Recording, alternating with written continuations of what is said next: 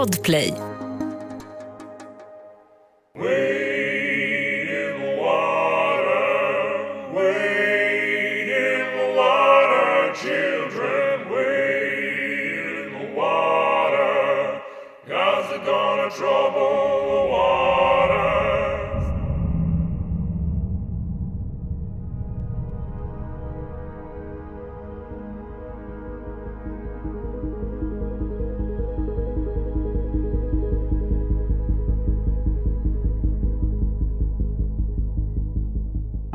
Johanna Östlund från Täby är på väg till en födelsedagsfest tillsammans med ett par kompisar.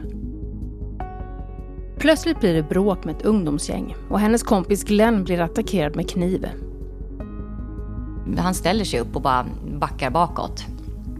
Och bara Johanna kom, vi, vi skiter i det här. Jag bara, men Glenn du har blivit knivhuggen, du blöder. Han hade en vit tröja på sig så man ser ju hur den blir helt röd i sidan. Eh, varav då han förstår och backar och så ramlar ihop. När övriga i sällskapet stannar hos Glenn följer istället Johanna efter gärningsmannen. Hon har bestämt sig för att inte låta honom komma undan. Du lyssnar på mig, Jenny Burman, och ett nytt avsnitt av Hjältarna. Här möter du modiga personer som ingriper med civilkurage. Även om det ibland innebär fara för dem själva. Vill du följa podden i sociala medier så ska du leta efter Civilkuragebyrån. Där kan du följa vårt arbete med att inspirera och bidra till kunskap så att fler vågar och vill ingripa. Men nu, nu ska du få lyssna på Johannas gripande berättelse.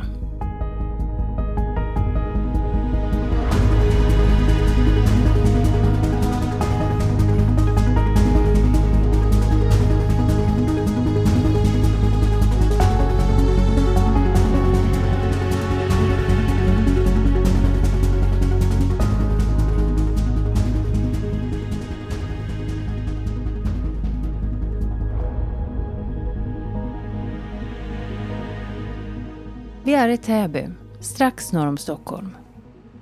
Det är fredag den 10 juli och helgen ska precis börja. Sommarens högtryck har dragit förbi och nu råder svala sommartemperaturer. Johanna är nere i Täby centrum och stöter plötsligt ihop med ett par gamla kompisar från förr. Cassie och Glenn. Precis som Johanna är de på strålande humör. Deras semester har börjat och till kvällen har de barnvakt för att kunna gå på en födelsedagsfest. Det ska senare visa sig att Johanna, Cassie och Glenn ska på samma födelsedagsfest. Men än så länge är alla lyckligt ovetande om att kvällen kommer få ett fruktansvärt slut. Vännerna pratar en kort stund och därefter beger sig Johanna hemåt för att göra sig redo för familjemiddag.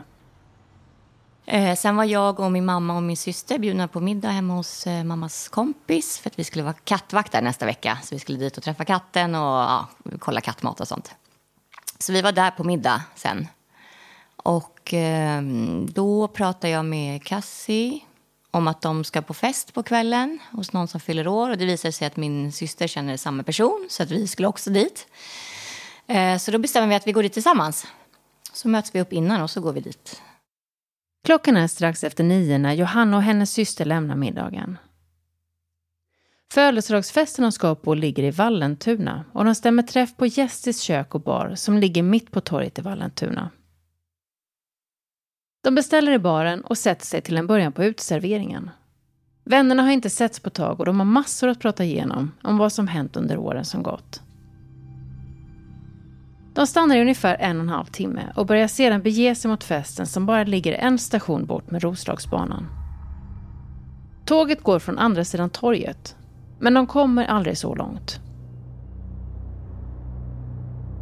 Uh, nej, men uh, vi sitter väl kvar kanske en timme, en och en halv. Uh, och min syster då och Glenn går före. Jag och Cassie är kvar där inne en stund. Jag tror jag pratade med någon kompis som var där inne och eh, drack något glas vatten innan vi skulle gå. Sen kommer vi ut och så ser vi Glenn och min syster då lite längre fram. Um, och sen går vi ikapp dem, för de går och pratar samtidigt. Så att de är, då går man ju inte så fort liksom. Och så kommer vi ikapp dem och då ser jag ett uh, gäng på fem, sex personer. Jag kan inte uppskatta hur många de var liksom. Uh, och sen så hör jag någonting. Um, Glenn säger till den ena, du ska visa respekt för äldre eller någonting sånt där. Det är två personer som utmärker sig i gänget. Två bröder, där den ena är 15 år och den andra är 17 år. Johanna har svårt att uppfatta allt, men plötsligt ligger de på marken. Och eh, sen så då när skyndar vi oss fram lite, liksom, för vi tänker så här, vad är det som händer? Alltså vi kunde inte se eller höra vad det var som hände.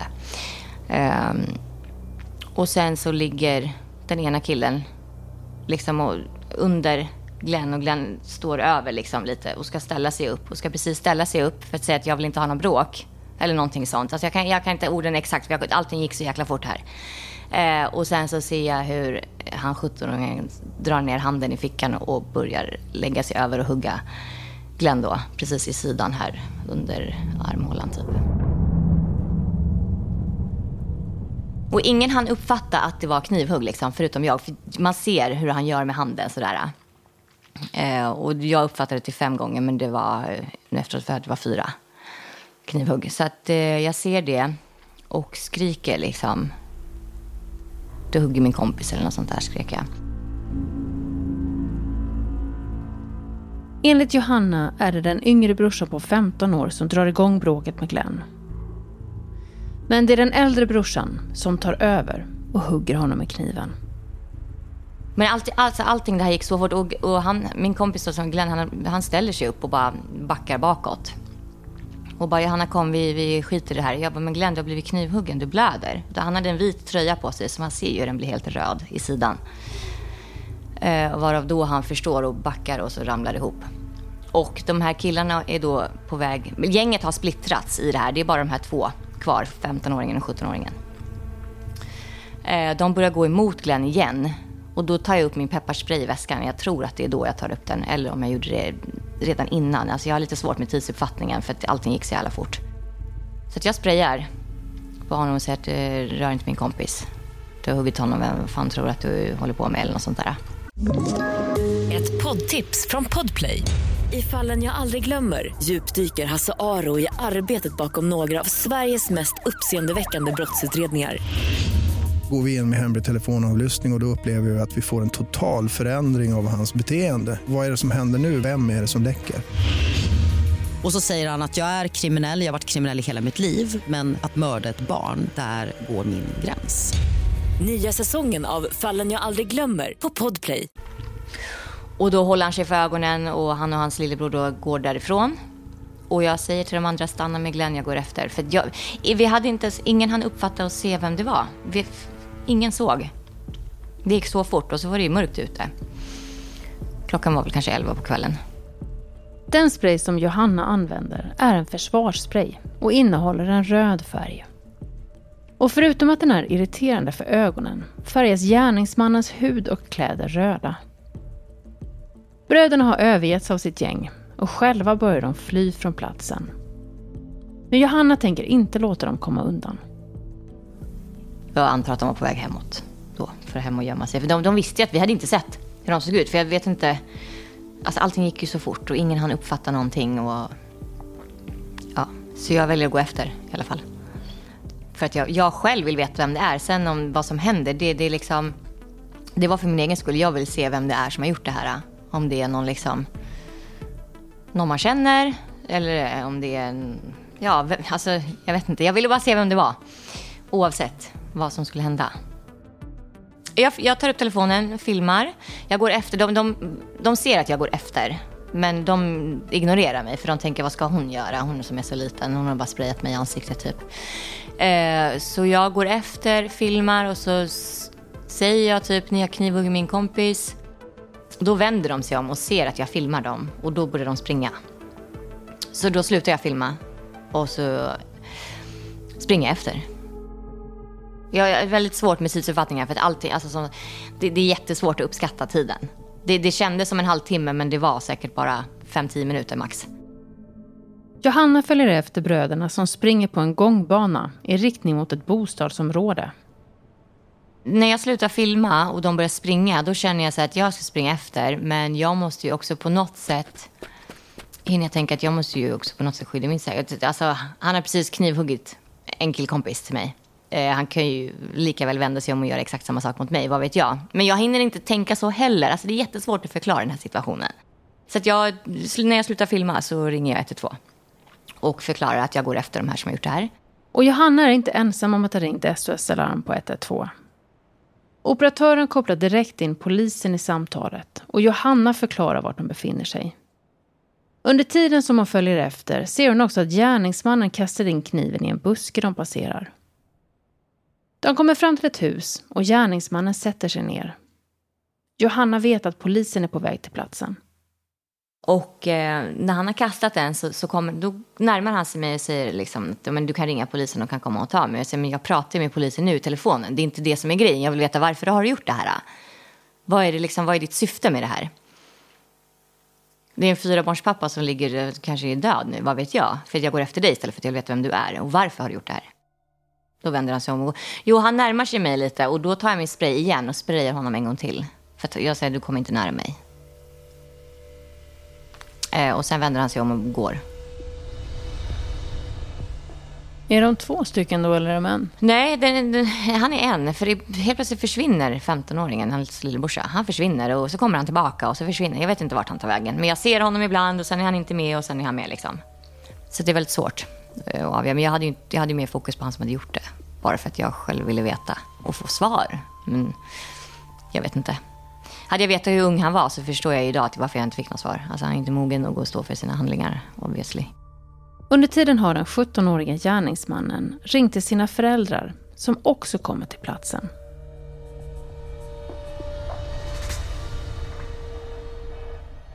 Föräldrarna säger till mig liksom att låt min, låt min son vara. Eh, sluta följa efter honom. Eh, jo, men de är, de är eh, riktigt förbannade alltså, på mig. För att jag har följt efter. Och säger, följ inte efter min son, du ska låta han vara i fred. Ja, absolut. Jag är väl, varför tror du att jag ödslar tid på att följa efter någon som har skadat min vän? Liksom? Jag vet väl inte hur det går för honom. Jag hade hellre varit med min kompis nu och se hur det går för han än att följa efter han som har gjort det här. Men eh, eftersom att jag vill ha svar och veta varför så vill jag följa efter. För att jag vill veta vem det är. Jag själv, det är för min egna skull, för att jag vill veta varför. Det var det enda jag ville veta och jag sa det flera gånger också, men jag fick aldrig något svar. Och eh, de gråter, de är arga. Pappan puttar mig i staketet. Han puttar in mig i staketet eh, för att han tycker att jag kommer för nära. Och eh, jag ställer mig upp och då hör jag polisen samtidigt i telefonen. Var, var lugn nu Johanna, var lugn. Alltså hur fan ska jag vara lugn? Han precis puttat in mig i ett staket. Min kompis ligger knivhuggen. Alltså det här, det, det, allting blir bara så jävla fel. Det blev så omvänt på något sätt i mitt huvud. Alltså det, ja. Varför tror du att föräldrarna var arga på dig för? De skämdes väl, kände jag. Eller jag vet inte varför de var arga på mig. Alltså, jag hade ju inte direkt gjort någonting. Men du vet, vissa är ju sådär. De, det blir en försvarsmekanism. De vänder det istället. De mår säkert jättedåligt över det här idag. Så det hade jag också gjort. Och jag känner inte, jag är inte... Jag har inga hat eller agg mot dem för att de var sura på mig, absolut. Det är väl så man reagerar kanske, när ens barn har gjort något sånt där.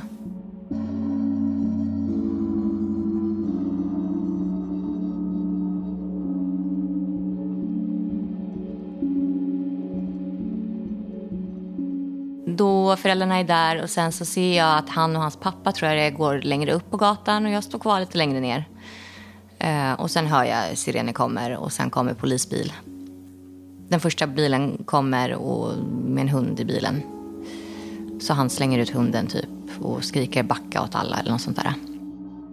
Du pratar om att eh, du vill veta vem han var. Mm. Eh, fanns det inte någonting i dig som också kände att man vill gärna att han ska få sitt straff. För den där typen av personer vill vi inte ha i samhället. Absolut, så är det.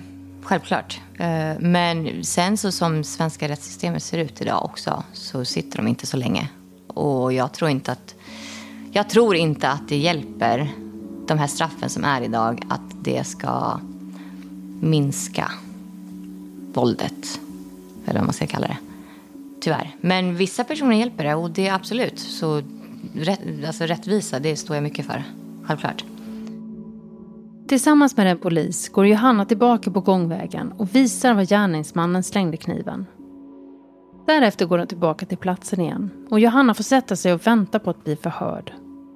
En väntan som till slut får Johanna att tappa tålamodet. Och till slut så säger jag så här, så jag tänker inte sitta kvar här, nu har jag gjort mitt. Liksom. Varför ska jag sitta och vänta på någonting när jag inte vet ens hur det går för min kompis? Jag har ju hört att helikoptern har kommit, ambulanshelikoptern. Jag har pratat med, med Cassie, har ringt mig och sagt att nu är han på väg till Karolinska. Ehm, hon får inte följa med på grund av det corona. Och hon är ju såklart jätteorolig. Så jag vill bara gå ifrån. Och liksom... Så jag tyckte att polisen var väldigt, väldigt sega med att eh, ja, göra det de skulle fråga mig. Vad de, det de ville fråga. Eh, och det var ju ganska obvious att det var han eftersom att han var ju röd i hela ansiktet efter min spray. Som polisen tog också. Hur gick det med Glenn? Men det gick bra. Han höll på, vi höll på att förlora honom där ett tag eh, på väg in till sjukhuset. Men sen han repade sig väldigt, väldigt bra. Han är skitstark som person. Så att han bara kämpade på. Då var uppe och gick redan dagen efter för att han kände att det här ska fan inte få ta mig liksom. I efterhand har Johanna hunnit reflektera över det hon gjorde. Över den fara som hon själv utsatt sig för. Nej men alltså han går med kniv på sig. Vet jag, han kanske ringer sin polare som har en pistol på sig istället som kommer och skjuter mig. Alltså, man vet ju aldrig. Eller att han själv bara får vänder sig om och attackerar mig.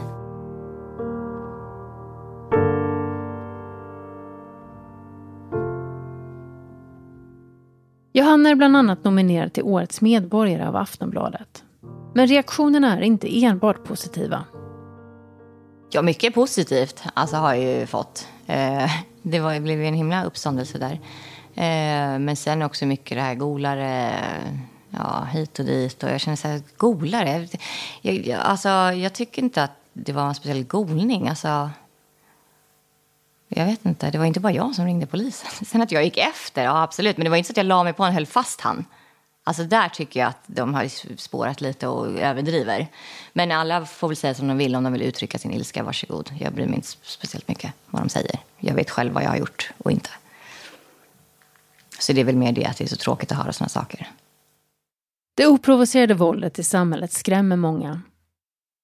En drivkraft för Johanna under hennes ingripande var att få ett ansikte och få ett svar från gärningsmannen på frågan varför han attackerade hennes vän. Det finns väl aldrig någon bra förklaring till varför man har huggit en person. Alltså, kan inte säga förklaringen, det finns inte en ursäkt eller förklaring som är bra. Eller, du kan ju alltid ge ett svar. Till varför. Fick du ett svar? Nej.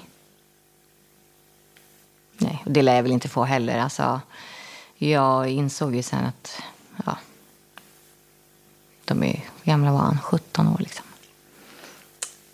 Ja, kanske svårt att ge svar då. Enligt Brå ökar både brott mot vapenlagen och mot knivlagen. Sammanställningen för 2019 visar en ökning inom båda brottskategorierna på 11 procent. Om du ser ett brott som pågår så tänk på din egen säkerhet. Att larma 112 och följa efter som Johanna är helt rätt. Hör gärna av dig med tips på personer som du tycker ska vara med i podden. Mig når du på Civilkuragebyrån på Facebook eller Instagram eller på civilkuragebyrån.se. För klippmix och ljuddesign står Erik Magnusson. Och jag heter Jenny Burman och jag hoppas att du vill lyssna snart igen. Hej då!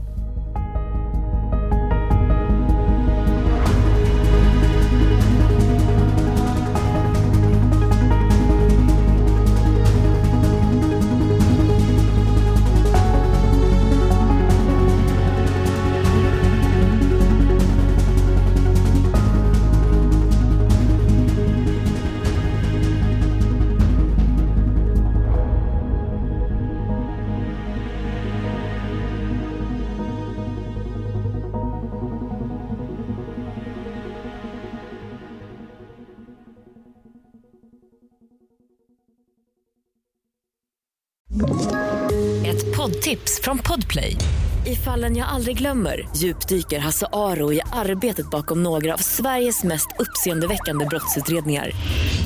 Går vi in med hemlig telefonavlyssning och, och då upplever vi att vi får en total förändring av hans beteende. Vad är det som händer nu? Vem är det som läcker? Och så säger han att jag är kriminell, jag har varit kriminell i hela mitt liv men att mörda ett barn, där går min gräns. Nya säsongen av Fallen jag aldrig glömmer på Podplay.